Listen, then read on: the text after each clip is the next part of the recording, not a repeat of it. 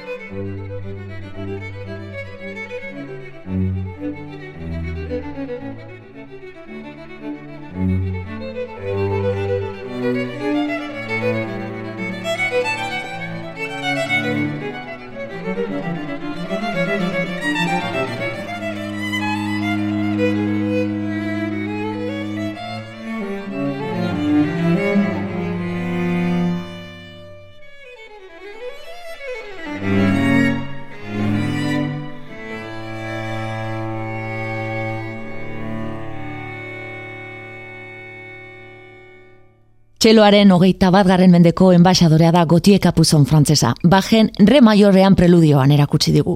Zuzendari eta musikari onenekin jotzen du amaika sari irabazi izan ditu eta oso estimatua da erabiltzen duen mila zazpireunda bateko txeloaren sonoritate sakona. Klasikoak eite ben. Eta lehen mailako solistekin jarraituz. Maxim Bengero Ferrusiarra, biolin eta biolaren egungo maixu handietakoa da. Txardaz zungariar bat interpretatuko du, txorien efektu zoragarriak barne. Entzun.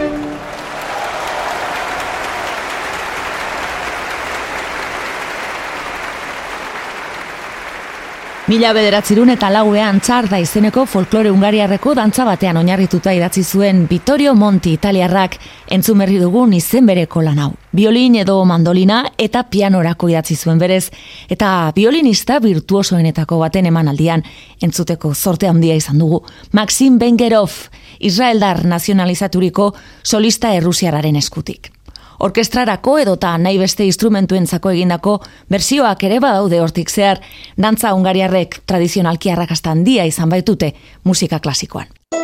Klasikoak eiteben.